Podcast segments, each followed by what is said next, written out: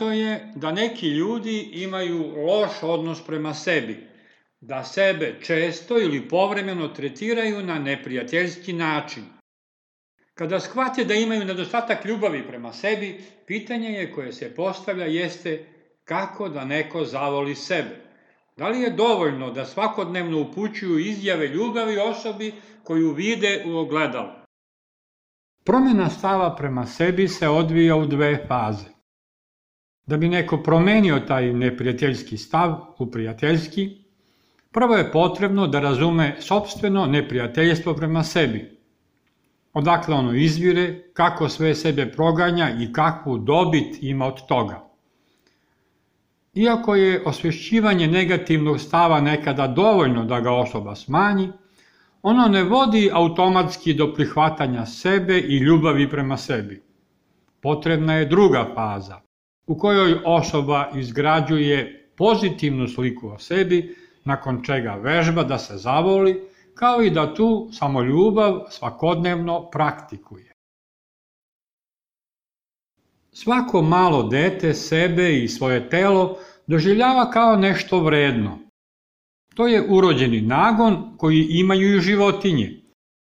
Iz njega izviru nagoni samoočuvanja i preživljavanja. To je biološka osnova na kojoj se gradi dalji stav prema sebi.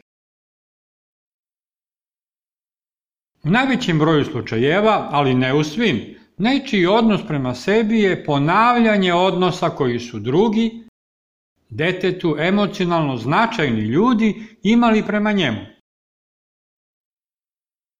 Ako su roditelji kao detetu najznačajnije osobe, detetu pokazivali ljubav, onda će i ono izgraditi ljubav prema sebi i ne samo to, nego će sebe voleti na isti način na koji ga vole roditelji.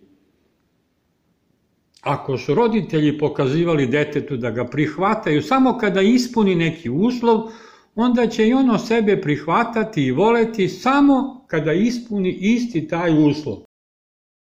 Ako su roditelji detetu pokazivali da ga vole bez obzira na sve, bilo šta ono radilo ili ne radilo, onda će i ono imati isti takav stav bezuslovne ljubavi prema sebi. Osnova ovoga je da detetova psiha upija stvarnog roditelja, pretvarajući ga u psihičku strukturu unutrašnjeg roditelja, koja onda nastavlja da iznutra tretira dete na isti način na koji su ga tretirali stvarni roditelji. Roditeljska ljubav je veoma važna kao osnova, ali nije dovoljno. Mladoj osobi u razvoju je potrebno da je prihvate i vole njeni vršnjaci da bi konačno formirala stav ljubavi prema sebi. Postoje ljudi koji od roditelja jesu dobili ljubav, ali koji na kraju ne vole sebe zato što ih vršnjaci nisu prihvatili i zavoleli. Ova priča o razvoju ljubavi ili ne ljubavi prema sebi nam je bila potrebna da shvatimo da oni koji ne vole sebe to čine zato što smatraju da takvi kakvi su ne ispunjavaju neki uslov koji je po njihovom mišljenju potrebno ispuniti da bi neko mogao da bude vredno ljudsko biće i da voli sebe. Kad neko veruje da nije dovoljno lep, privlačan, visok, inteligentan, talentovan, bogat i tako dalje, tada ni ne može dovoljno voleti sebe. Zato je prvi korak prepoznavanje i osvešćivanje ovog uslovljavanja lične vrednosti, a zatim i odbacivanje ovih uslova. Kakav sam, takav sam. Ja sam vredno ljudsko biće koje zaslužuje ljubav. Kada nekoga volimo, onda se prema njemu ponašamo na određeni način. Isto tako možemo da se ponašamo prema samom sebi. Kao što nam je važno kako se osjeća voljena osoba, kao što želimo da joj ugodimo, tako treba da nam je važno kako se osjećamo i da sebi ponekad ugodimo. Kao što voljenoj osobi posvećujemo vreme, tako treba i da uzmemo vreme za sebe i da se posvetimo sebi, svojim mislima, svom telu i svojim željama.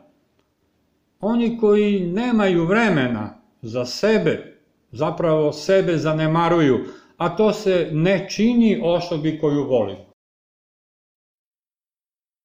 Kao što voljenoj osobi želimo da ispunimo neke želje, isto tako i sobstvene želje treba da su nam važne i da ih povremeno ispunjavamo. Kao što voljenim ljudima činimo usluge, isto tako treba i sami sebi da učinimo neku uslugu, da uradimo nešto što je dobro za nas, da sebe izvedemo na neko lepo mesto, priuštimo ono što nas raduje ili da sebi kupimo neki poklon. Nema opasnosti da ćemo vežbanjem ljubavi prema sebi postati sebični i narcisoidni. Ove dve osobine nisu posledica odnosa prema sebi, već odnosa prema drugima.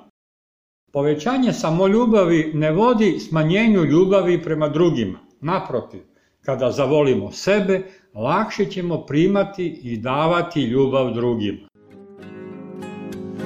Voli me jer sam takvi kakvi jesam. Voli me